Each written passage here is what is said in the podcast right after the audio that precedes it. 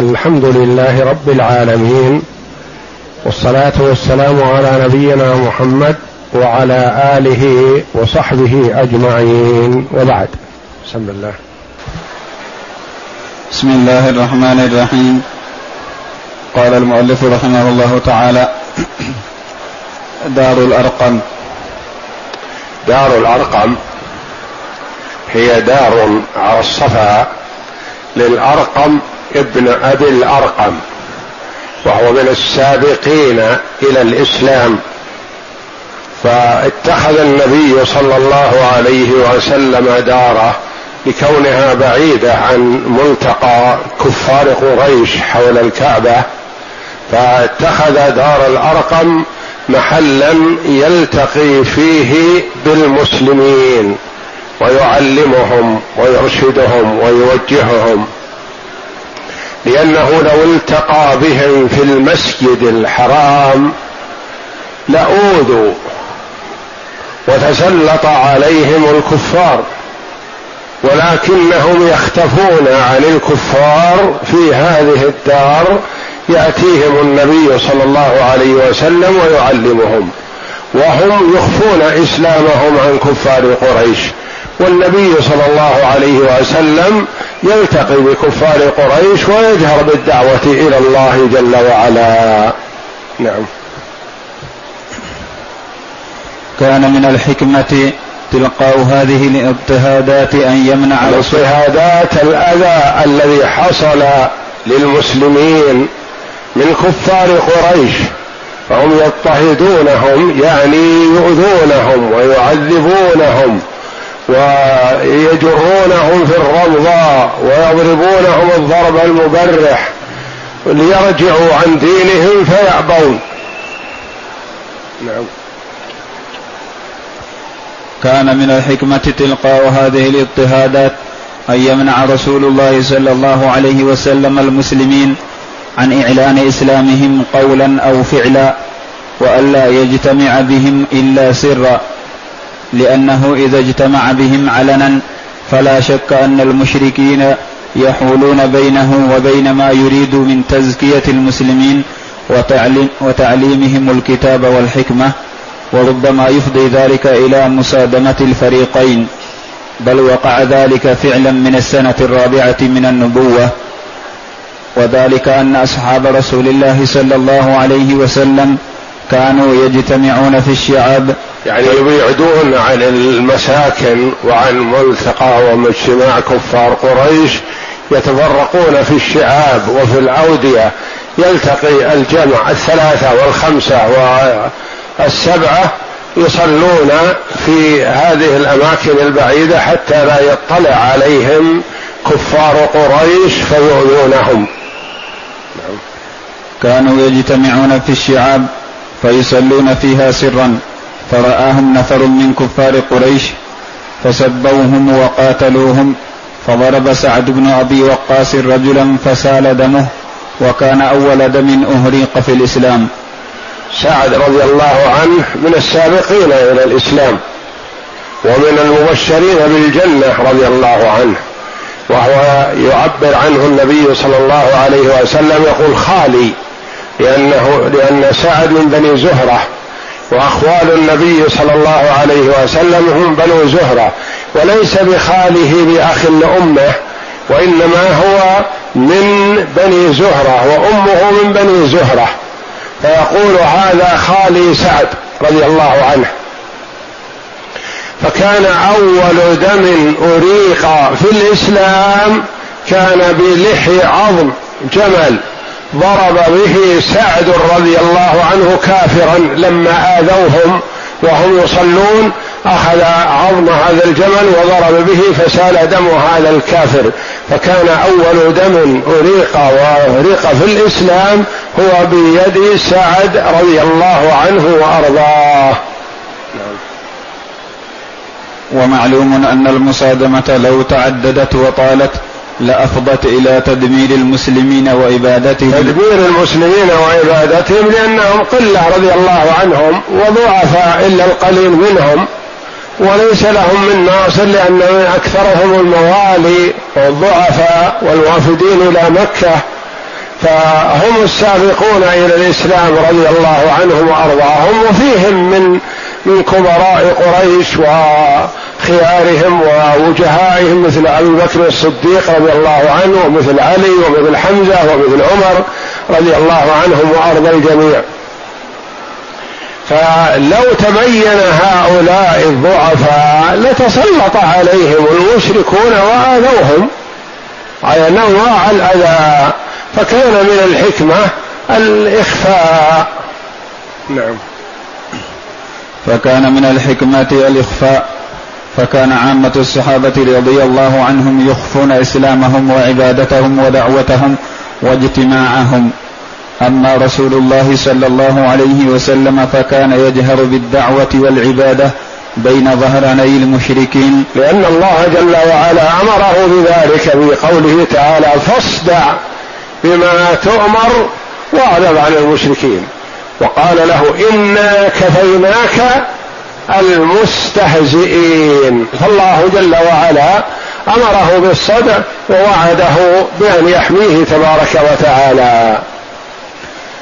لا يصرفه عن ذلك شيء ولكن كان يجتمع مع المسلمين سرا نظرا لصالحهم وصالح الإسلام وكانت دار الأرقم بن أبي الأرقم المخزومي على الصفا وكانت بمعزل عن أعين الطغاه ومجالسهم فكان أن اتخذها مركزا لدعوته ولاجتماعه بالمسلمين من السنة الخامسة من النبوة.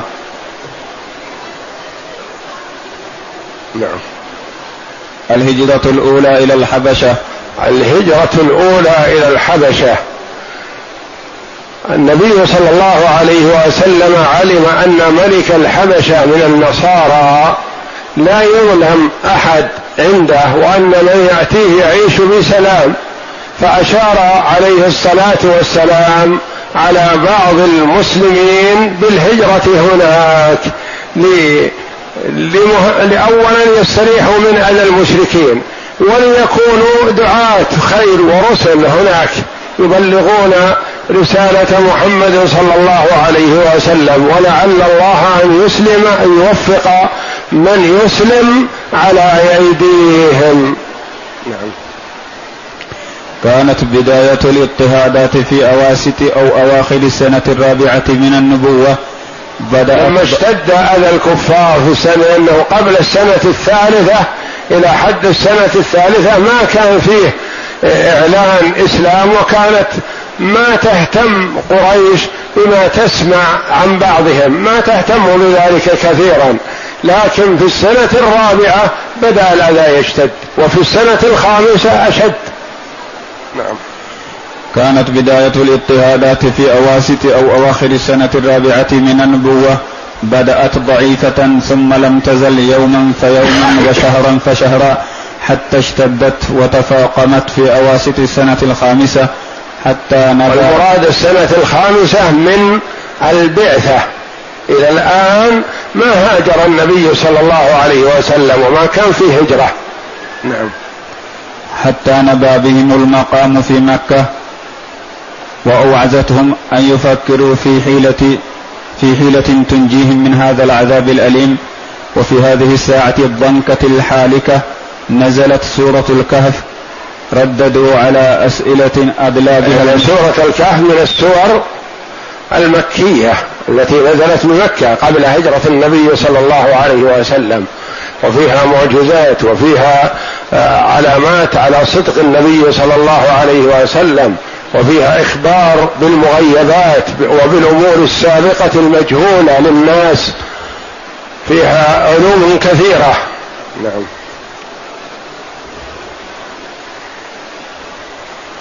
نعم. نزلت سورة الكهف ردودا على أسئلة أدلى بها المشركون إلى النبي صلى الله عليه وسلم ولكنها اشتملت على ثلاث قصص فيها إشارات بليغة من الله تعالى إلى عباده المؤمنين. فقصة أصحاب الكهف ترشد إلى الهجرة من مراكز الكفر والعدوان حين مخافة الفتنة على على الدين متوكلا على الله.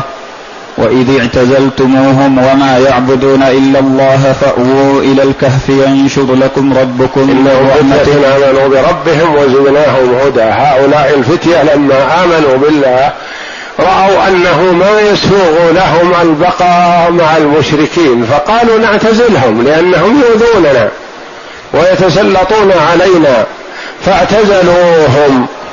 فأووا إلى الكهف وإذا اعتزلتموهم وما يعبدون إلا الله. هذا الكلام ساقه الله جل وعلا على ألسنتهم أنهم قال بعضهم لبعض لما اجتمعوا. وكما مر علينا أن أصحاب الكهف آه، أنفار كانوا يمجون طريقة آبائهم ويتركونها و وتسيء إليهم يرون أنهم على ضلال. عبادة الأصنام والأوثان وانها لا تغني شيء فكان بعضهم يعتزل ثم يأتيه الآخر مثله أفكاره مثل أفكاره لكنه ما يستطيع أن يفصح أحدهم للآخر يخشى أن يخبر عنه. حتى أمن بعضهم بعضا وتدارسوا الوضع فيما بينهم وقالوا طريقة الآباء والاجداد طريقه سيئة. ما يصلح أن يعبد مع الله غيره. الله جل وعلا هو المستحق للعبادة. فتشاوروا على أن يعتزلوا قومهم ويؤووا إلى الكهف يسكنون فيه. كما قص الله جل وعلا سورتهم آية قصتهم في السورة العظيمة هذه سورة الكهف. نعم. وإذا اعتزلتموهم. وإذ اعتزلتموهم وما يعبدون إلا الله فأووا إلى الكهف ينشر لكم ينشر لكم ربكم من رحمته ويهيئ لكم من أمركم مرفقا.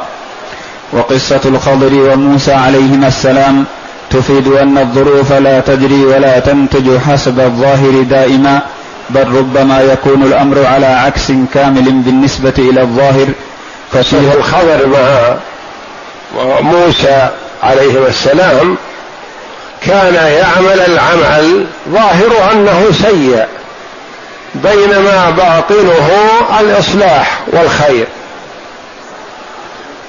فلذا آه، في هذه لفت نظر للمسلمين بأن الأمور لا تجري على الظاهر دائما وإنما قد يكون في الباطن سر لا يعلم عنه إلا الله جل وعلا ثم يظهره بعد ذلك.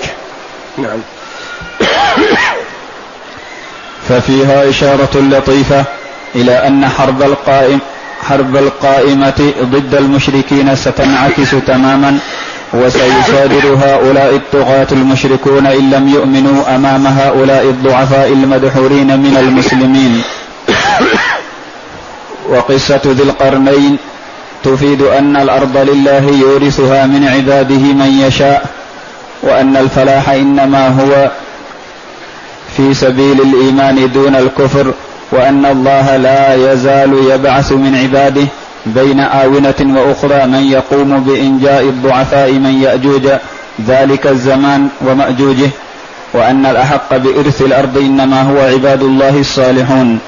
ثم نزلت سورة الزمر تشير إلى الهجرة وتعلن بأن أرض الله ليست بضيقة في قوله تعالى للذين أحسنوا في هذه الدنيا حسنة وأرض الله واسعة إنما يوفى الصابرون أجرهم بغير حساب.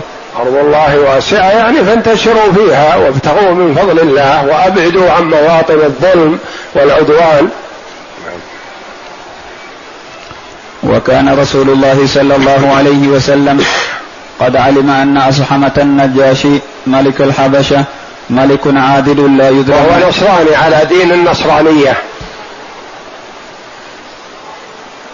ملك عادل لا يظلم عنده أحد فأمر المسلمين أن يهاجروا إلى الحبشة فرارا بدينهم من الفتن. وفي رجب سنة خمس من النبوة هاجر أول فوج من الصحابة إلى الحبشة كان مكونا من اثني عشر رجلا وأربع نسوة رئيسهم عثمان بن عفان رضي الله عنه ومعه السيدة رقية بنت رسول الله صلى الله عليه وسلم ورضي الله عنها. هي زوجته الأولى من بنتي النبي صلى الله عليه وسلم. تزوج أولا رقية ثم لما توفيت رضي الله عنها تزوج بعدها أم كلثوم بنت النبي صلى الله عليه وسلم. ثم توفيت أم كلثوم في حياة عثمان رضي الله عنه وفي حياة النبي صلى الله عليه وسلم. فقال النبي صلى الله عليه وسلم لعثمان لو كان عندنا ثالثة لزوجناكها رضاء بمصاهرته عليه الصلاة والسلام ورضي الله عن عثمان.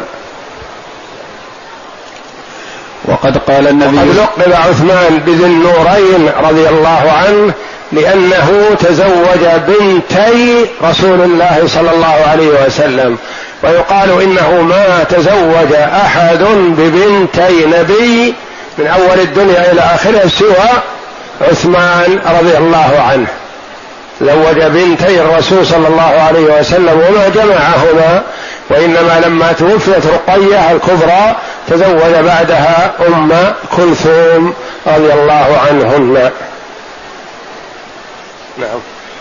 وقد قال النبي صلى الله عليه وسلم فيهما إنهما أول بيت هاجر في سبيل الله بعد إبراهيم ولوط عليهما السلام. كان رحيل هؤلاء تسللا في ظلمة الليل. يعني يخرجون من مكة في الظلام حتى لا يتبعهم المشركون ولا يعلمون عنهم. ثم يذهبون إلى الميناء الذي ترسو فيه السفن وهو ميناء الشعيبة قبل أن تكون جدة ميناء. حتى لا تفتن لهم قريش خرجوا إلى البحر ويمموا ميناء شعيبة وقيدت لهم الأقدار سفينتين تجاريتين أبحرتا بهم إلى الحبشة وفطنت لهم قريش فخرجت في آثارهم لكن لما بلغت إلى الشاطئ كانوا قد انطلقوا آمنين وأقام المسلمون في الحبشة في أحسن جوار. يعني لما علمت قريش بخروجهم تساءلوا عنه وقالوا إنهم خرجوا نحو البحر فأسرعوا مسرعين نحو الشعبة لعلهم يجدونهم فيصدونهم. فإذا هم قد سلموا وسافروا وركبوا البحر رضي الله عنهم. نعم. وفي رمضان من نفس السنة خرج النبي صلى الله عليه وسلم إلى الحرم وهناك جمع كبير من قريش كان فيه ساداتها وكبراؤها فقال هذا قبل فرضية صيام رمضان لكن صادف خروج ذلك الوقت كان في رمضان. نعم. فقام فيهم وأخذ يتلو سورة النجم بغتة إن أولئك الكفار لم يكونوا سمعوا يعني باغتهم لأنهم كانوا إذا رأوا النبي صلى الله عليه وسلم يقرأ شوشوا عليه وبدأوا يتخاطبون ويتحدثون حتى لا يسمع ما يقرأه النبي صلى الله عليه وسلم. لكنه فاجأهم في هذه المرة وقرأ بسرعة قراءة حسنة فما استطاعوا أن يصرفوا أنفسهم لما سمعوا من حسن التلاوة وحسن القراءة وحسن الكلام فأصغوا له رغم ألوفهم. غصبا عنهم أصغوا له. وما استطاعوا أن يصرفوا أنفسهم عنه. نعم. وأخذ يتلو سورة النجم بغتة إن أولئك الكفار لم يكونوا سمعوا كلام الله قبل ذلك لأن أسلوبهم المتواصل كان هو العمل بما تواص بما تواصى بهم بعضهم بعضا من قولهم لا تسمعوا لهذا القرآن والغوا فيه لعلكم تغلبون. يعني يوصي بعضهم بعض يقول لا تسمعوا لهذا القرآن ولا يكفي أن يبعد المرء لا يسمع لا. يقول وإذا تلي فالغوا. تكلموا بالكلام اللغط والكلام برفع الصوت حتى تشوشوا على القارئ من ناحية وحتى لا يصغي الناس الآخرون إلى النبي صلى الله عليه وسلم وهو يقرأ. والغوا فيه لعلكم تغلبون. نعم. فلما باغتهم بتلاوة هذه السورة وقرع آذانهم كلام إلهي رائع خلاب لا يحيط بروعته وجلالته البيان تفانوا عما هم فيه وبقي كل واحد مصغيا إليه لا يخطر بباله شيء سواه حتى إذا تلا في خواتيم هذه السورة قوارع تطير لها القلوب ثم قرأ فاسجدوا لله واعبدوا ثم سجد لم يتمالك أحد نفسه. هذه آخر آية في سورة النجم. نعم. حتى خر ساجدا وفي الحقيقة كانت روعة الحق قد صدعت العناد في نفوس المستكبرين والمستهزئين فما تمالكوا أن يخروا لله ساجدين. لأنهم يعرفون الله ويزعمون أنه يعبدون الله لكن يعبدون معه غيره. فحينما سمعوا هذه الآيات العظيمة وسجد النبي صلى الله عليه وسلم سجدوا. سجدوا معه. نعم. وسقط في أيديهم لما أحسوا أن جلال كلام الله لوى زمامهم فارتكبوا عينما كانوا يبذلون قصارى جهدهم في محوه وإفنائه يعني أصغوا هم وهم يبذلون قصارى جهدهم بأن لا يصغي أحد للقراءة. هم أصغوا وهم يعملون جاهدين على أن لا يصغي أحد لقراءة النبي. قالوا كيف كذا؟ كيف وقعنا هذا؟ نحن ننهى الناس عن الإصغاء ونحن أصغينا رغم أنوفنا. فلاموا أنفسهم ووبخوها ولامهم أشد من لم يحضر. قال كيف سحركم محمد؟ كيف تسجدون معه؟ كيف استجبتم له؟ نعم. وقد توالى عليهم اللوم والعتاب من كل جانب من ممن لم يحضر هذا المشهد من المشركين. وعند ذلك كذبوا على رسول الله صلى الله عليه وسلم وافتروا عليه أنه عطف على أصنامهم بكلمة تقدير وأنه قال عنها تلك الغرانيق العلا وإن شفاعتهن لترتجى جاءوا بهذا الإفك المبين ليعتذروا عن سجودهم مع النبي صلى الله عليه وسلم وليس يستغرب هذا من قوم كانوا يألفون الكذب. والافتراء قصة الغرانق. هذه هذه نقلها بعض المؤرخين رحمهم الله. منهم من أحسن في النقل وبينها ومنهم من اساء في النقل بدون نقل كما سمع ممن افترى. من المؤرخين من قال إنه ألقي على لسان النبي صلى الله عليه وسلم لما قرأ قوله تعالى قوله تعالى أفرأيتم اللات والعزى ومناة الثالثة الأخرى ألكم الذكر وله الأنثى؟ الآيات قال بعض المؤرخين إنه ألقي على لسان النبي صلى الله عليه وسلم تلك الغرانيق العلا وإن شفاعتهن لترتجى. قال بعض الكفار هذا الذي نريد من محمد. نريد منه أن يقول إن شفاعة هذه الآلهة ترتجى. نحن وإياه اتفقنا وسجدوا. قال قال هذا بعض المؤرخين وهذا خطأ والله أعلم. قال بعض المؤرخين إن الشيطان لما قرأ النبي صلى الله عليه وسلم القراءة أفرأيتم اللات والعزى الآيات؟ ألقى الشيطان في أسماع المشركين ولم يخرج من في النبي صلى الله عليه وسلم شيء من هذا. تلك الغرانيق العلا وإن شفاعتهن لترتجى. قالوا ما دام قال محمد هذا القول فنحن وإياه اتفقنا الآن. والنبي عليه الصلاة والسلام لم يقل ولم يصدر منه ذلك. وإنما الشيطان ألقى في نفوسهم وألقى كأن في أسماعهم.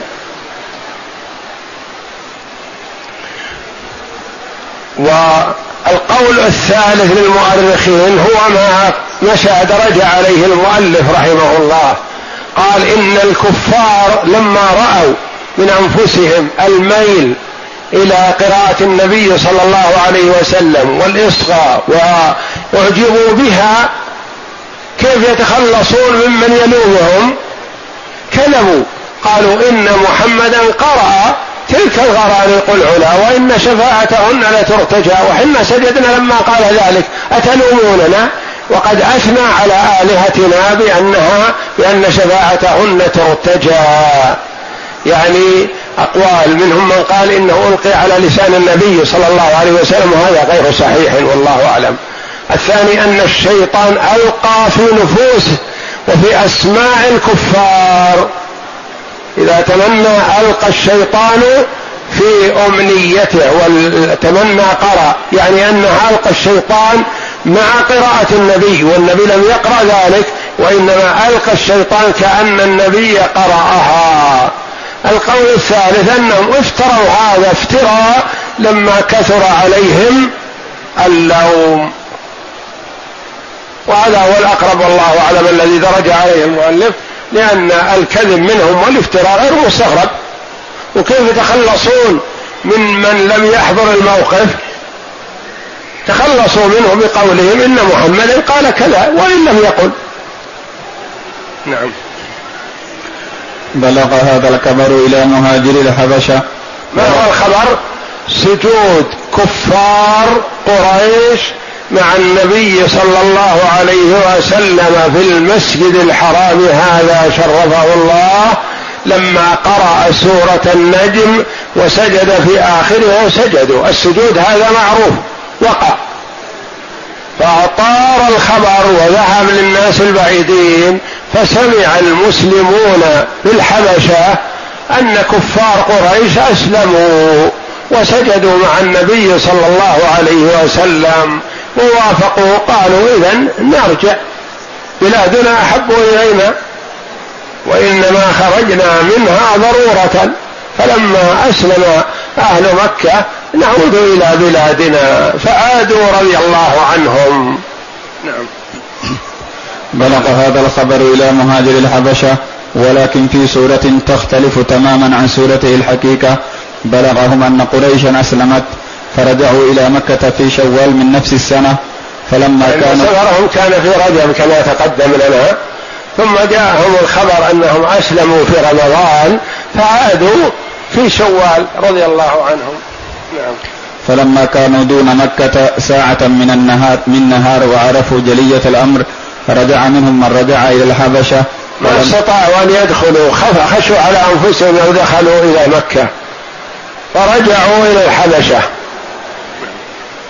فلما ك... ولم يدخل في مكة من سائرهم أحد إلا مستخفيا أو في جوار رجل من قريش. ثم اشتد عليهم وعلى المسلمين البلاء والعذاب من قريش. وسطت بهم عشائرهم فقد كان صعب على قريش ما بلغها عن النجاشي من حسن الجوار ولم ير رسول الله صلى الله عليه وسلم بدا من أن يشير على أصحابه بالهجرة إلى الحبشة مرة أخرى. وكانت هذه الهجرة الثانية أشق من سابقتها. لأن سابقتها الأفراد قلة وخرجوا بالليل مستخفين. ويسر الله لهم السفن حال وصولهم فركبوا قبل أن يدركهم الكفار. فقد تيقظت لها قريش وقررت إحباطها بيد أن المسلمين كانوا أسرع ويسر الله لهم السفر فانحازوا إلى نجاشي الحبشة قبل أن يدركوا. وفي هذه المرة هاجر من الرجال ثلاثة وثمانون رجلا. كثر المهاجرون رضي الله عنهم لأن المهاجرين الأولين رغبوا فرغبوا الآخرين فهاجر هذا العدد الكبير. ثلاثة وثمانون رجلا إن كان فيهم عمار فإنه يشك فيه. وثمان أو ثمان عشرة أو تسع عشرة امرأة. وبالأول جزم العلامة محمد سليمان المنصور المنصور فوري. يقول إنه كان معهم عمار بن ياسر رضي الله عنه وكان العدد ثلاثة وثمانين والنساء تسع عشرة نعم. مكيدة قريش بمهاجر الحبشة. حينما ذهب الأولون ولحقهم الآخرون قالوا نخشى أن تأتينا الحبشة غدا تقاتلنا في مكة. يسلمون. أهل الحبشة فيأتون مع من هاجر إليهم من المسلمين لقتالنا. ما يمكن نصبر على هذا؟ كيف يعملون؟ وهم في ولاية غيرهم. ما يستطيعون النفوذ إليهم يؤذونهم مباشرة لأنهم لو آذوهم مباشرة لكانوا خفروا ذمة ملك الحبشة فيفتك بهم. لكن أرادوا أن ينموا بهم ويسبوهم عند ملك الحبشة لعل ملك الحبشة يسلمهم إليهم ويقول أهلكم وذووكم أولى بكم ويطردهم من الحبشة. عز, عز على المشركين أن يجد المهاجرون مأمنا لأنفسهم ودينهم فاختاروا رجلين جلديين لبيبين وهما عمرو بن العاص وعبد الله بن أبي ربيعة قبل أن يسلما كانوا من المتكلمين وفاهمين وعقلاء وأذكياء ويستطيعون التخلص. اختاروا هذين الرجلين ونعمهما لكنهم حال اختيارهم لهم كانوا كفار. ثم من الله عليهم بالإسلام ولهذا يستغرب من عمرو بن العاص رضي الله عنه مع ذكائه وإدراكه وبعد نظره تأخره في الإسلام. ما أسلم إلا قبيل فتح مكة رضي الله عنه وهو خالد بن الوليد. فقيل له في ذلك يا عمرو ما الذي ابطا بك؟ يعني أنت رجل عاقل تدرك الإسلام نور وخير وفضيلة وسعادة دنيا وأخرى. كيف تقاتل وتناضل عن الشرك والكفر والضلال وأنت مدرك عاقل؟ فقال رضي الله عنه كان لنا أشياخ قلدناهم ما نظرنا. فلما ولوا نظرنا فأدركنا. لما ذهب الأشياخ الكبار فكر في نفسه نظر إذا الإسلام خير وسعادة ونور فلاح. ما يمكن أن يتأخر عنه. فبادر رضي الله عنه بالإسلام. ولهذا لما جاء إلى النبي صلى الله عليه وسلم مبايعا مد يده فمد له النبي صلى الله عليه وسلم يده ثم كفها عمرو. فقال لما يا عمرو؟ يعني كأنه تراجع. قال يا رسول الله أردت أن أشترط. قال تشترط ماذا؟ قال أشترط أن يغفر لي ما مضى. يعرف صحيفة سوداء. يعرف عمل مظلم عمل سيء. يؤذي المسلمين ويهاجر إلى الحبشة لأذاهم. وماذا يريد من هذا؟ يريد استئصالهم. ولهذا كما سيأتينا انه يقول لعبد الله بن لعبد الله بن ربيعة أنا فكرت في شيء يقضي عليهم ويجعل النجاشي يسلمنا إياهم أو يقتلهم هو بنفسه. قال يا عمرو لا تفعل هؤلاء اخواننا يعني قرابتنا حتى وإن خالفناهم في الدين لا تسلط عليهم النجاشي يقتلهم. يقول الكافر للكافر في ذلك الوقت. قال لا أنا أسلط عليهم النجاشي أجعله يقتلهم في مكانهم. قال لا تفعل. لو سلمنا إياهم لكان حسن. لكن كوننا نسلط عليهم يقتلهم وهم بنونا وإخواننا بيننا وبينهم رحم لا قال سأفعل غدا. لكن ما ما نجح ولله الحمد. نعم. عز على المشركين. عز, عز على المشركين أن يجد المهاجرون مأمنا لأنفسهم ودينهم فاختاروا رجلين جلديين لبيبين وهما عمرو بن العاص وعبد الله عبد الله بن ربيعة قبل أن يسلما وأرسلوا معهما الهدايا المستطرقه المستطرفه للنجاشي ولبطارقته وبعد أن ساق الرجلان تلك الهدايا إلى البطارقة وزاداهم بالحجج التي يطرد بها أولئك المسلمون. وبعد أن اتفقت البطارقة أن يشيروا على النجاشي بإقصائهم حضروا إلى النجاشي. يعني الأول تكلموا مع البطارقة الذين هم حول النجاشي وأعطوهم الهدايا وقالوا حنا جئنا لهذه الأمة ونريد أن تكونوا معنا في صفنا لأن هؤلاء إذا بقوا في بلادكم أفسدوها وأفسدوا عليكم دينكم وفعلوا وفعلوا. فلكن غدا إذا كلمنا النجاشي فكونوا معنا. قولوا سلمهم إياهم. وفعلا قالوا ذلك لكن الله جل وعلا حمى المؤمنين من تسلطهم. نعم. وقدم له الهدايا ثم كلماه فقال له أيها الملك إنه قد ضوى إلى بلدك غلمان سفهاء فارقوا دين قومهم. خيار الناس. يقولون غلمان السفهاء رضي الله عنهم وأرضاهم. يعني افتراء المفترين يصفون الشيء بعكسه. هم من خيار الناس رزانة وعقلا رضي الله عنهم وحكمة ومعرفة وبصيرة. يقولون غلمان سفهاء جمعوا بين صغر السن وعدم الإدراك مع السفه. نعم. فارقوا دين قومهم ولم يدخلوا في دينك. لأن دين النجاشي النصرانية. لا نعرف وجاءوا بدين ابتدعوه لا نعرفه نحن ولا أنت. وقد بعثنا إليك فيهم أشراف قومهم من آبائهم وأعمامهم وعشائرهم. صناديد الكفر ورؤساء الكفر يقول أشراف قومهم شرفاء. والمسلمون يقولون غلمان سفهاء. نعم. لتردهم إليهم فهم أعلى بهم عينا وأعلم بما عابوا عليهم وعاتبوهم فيه. وقالت البطارقة صدقا أيها الملك. صدقا يعني عمرو بن العاص وعبد الله بن ربيعة. سلمهم إياهم. سلمهم هؤلاء السفهاء دعهم يذهبون بهم إلى مكة أسرا. نعم. فأسلمهم إليهما فليرداهم إلى قومهم وبلادهم. ولكن رأى النجاشي أنه لا بد من تمحيص القضية وسماع أطرافها جميعا. أبى رضي الله عنه النجاشي هذا أبى أن يسلمه قال لا حتى أسمع ما رضي بكلام بطارقته وجلسائه. قال ما رضي بما أشاروا به قال لا حتى أسمع بنفسي منهم. نعم. فأرسل إلى المسلمين ودعاهم فحضروا.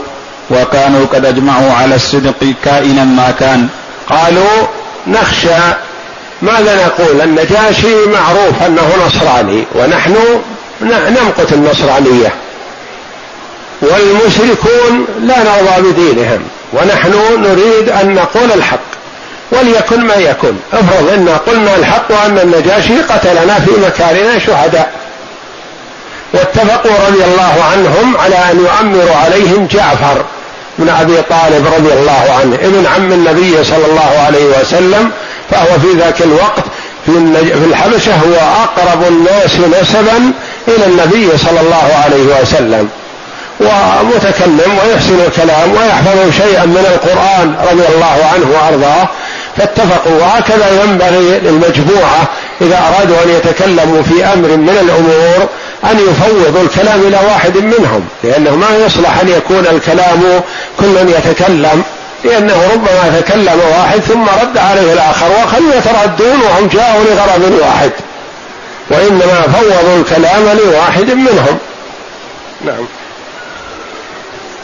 فقال لهم النجاشي ما هذا الدين الذي فارقتم فيه قومكم ولم تدخلوا فيه ولم تدخلوا به في دين يعني تركتم الشرك وما دخلتم في دين النصرانية يعني لو دخلتم في دين النصرانية لقبلتكم لكن أنتم لا هذا ولا هذا ما هو؟ يسألهم. ولم تدخلوا به في ديني ولا دين أحد من هذه الملل. لا يهودية ولا نصرانية ولا مجوسية دين جديد. نعم. قال جعفر بن أبي طالب رضي الله عنه وكان هو المتكلم عن المسلمين أيها الملك أيها الملك. هذا استفتاح بالكلام تخاطب من تخاطبه بأحب الأشياء إليه وتناديه بأحب الأسماء إليه لأجل يصغي لك. ما يقول ما قالوا يا نصراني نحن فارقنا النصرانية فارقنا الشرك وكذلك النصرانية. لا قال أيها الملك هو على ما هو عليه يمدحه. وهكذا ينبغي لمن أراد أن يخاطب شخص أن يبدأ به بما يحب يتلطف به. والله جل وعلا يقول لموسى وهارون وقد أرسلهما إلى فرعون فقولا له قولا لينا لعله يتذكر أو يخشى. فيحسن بالداعية إذا أراد أن يتكلم مع كبير أو شريف ونحوه أن يسأل عما فيه من المحاسن. فيثني عليه بها. لا يكذب ولا يفتري لكن يثني عليه ما فيه من المحاسن. افرض أنه كافر لكن فيه عدل فيه رحمة بالفقراء فيه إنصاف من الناس فيه زهد في المال فيه كذا فيه كذا. ما يخلو المرء وإن كان كافرا من خصلة حسنة. فيسأل عن هذه الخصلة فيثني عليه بها ثم ينشرح صدر هذا الرجل الذي تريد أن تتكلم معه ويصغي لك لأنك مدحته. بخلاف ما إذا دخلت عليه وسببته ردك قبل أن تتكلم. فيحسن بالمرء أن يحسن الكلام مع من يريد دعوته من أفراد الناس أو كبرائهم يسأل عن محاسنها أو يثني عليه. يثني عليه باللطافة يثني عليه بالأدب يثني عليه بحسن السمت يثني عليه بحسن المظهر يثني عليه بشيء ظاهر من أجل أن يفتح بابه يصغي له. وقال جعفر رضي الله عنه أيها الملك هذا خطاب تعزيز وتشريف له. نعم. قال جعفر بن أبي طالب رضي الله عنه وكان هو المتكلم عن المسلمين أيها الملك كنا قوما أهل جاهلية نعبد الأصنام ونأكل الميته ونأتي الفواحش ونقطع الأرحام ونسيء الجوار ويأكل منا القوي الضعيف. ونسيء الجوار يعني حين جئنا في جوارك. إساءة الجوار مذمة وإحسان الجوار مدحة. فنحن في جوارك فكأنه يقول إياك أن تسيء إلينا الجوار فتكون مثلنا قبل. حال جهلنا وشركنا وكفرنا. نسيء الجوار. نعم. فكنا على ذلك حتى بعث الله إلينا رسولا منا نعرفه نعرف نسبه وصدقه وأمانته وعفافه. فدعانا إلى الله لنوحده ونعبده ونخلع ما كنا نعبد نحن وآباؤنا من دونه من الحجارة والأوثان. وأمرنا بصدق الحديث وأداء الأمانة وصلة الرحم وحسن الجوار والكف عن المحارم والدماء ونهانا عن الفواحش وقول الزور وأكل مال اليتيم وقذف المحسنات وأمرنا أن نعبد الله وحده لا نشرك به شيئا وأمرنا بالصلاة والزكاة والصيام فعدد عليه أمور الإسلام فصدقناه وآمنا به واتبعناه على ما جاءنا به من دين الله فعبدنا, فعبد فعبدنا الله وحده فعبدنا الله وحده فلم نشرك به شيئا وحرمنا ما حرم علينا وأحللنا ما أحل لنا فعدا علينا قومنا فعدا علينا يعني تعدى علينا قومنا جاروا علينا ظلمونا. نعم. فعذبونا وفتنونا عن ديننا ليردونا إلى عبادة الأوثان من عبادة الله تعالى وأن نستحل ما كنا نستحل من الخبائث فلما قهرونا وظلمونا وضيقوا علينا وحالوا بيننا وبين ديننا خرجنا إلى بلادك واخترناك على من سواك. هذه مدحه له. جئنا إليك لنكون في جوارك. ورغبنا في جوارك ورجونا ألا نظلم عندك أيها الملك. ختمها بأيها الملك وبدأها بأيها الملك. وذكر المحاسن التي ينبغي أن يسير عليه ما قال ينبغي لك كذا وينبغي لك كذا؟ قال نبينا يأمرنا بكذا